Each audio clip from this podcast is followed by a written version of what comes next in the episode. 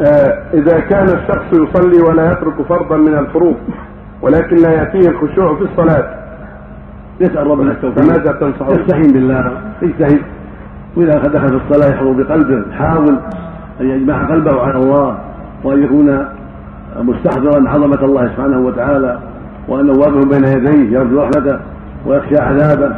لعله يخشى إن شاء الله. يستحضر هذا لعله يخشى.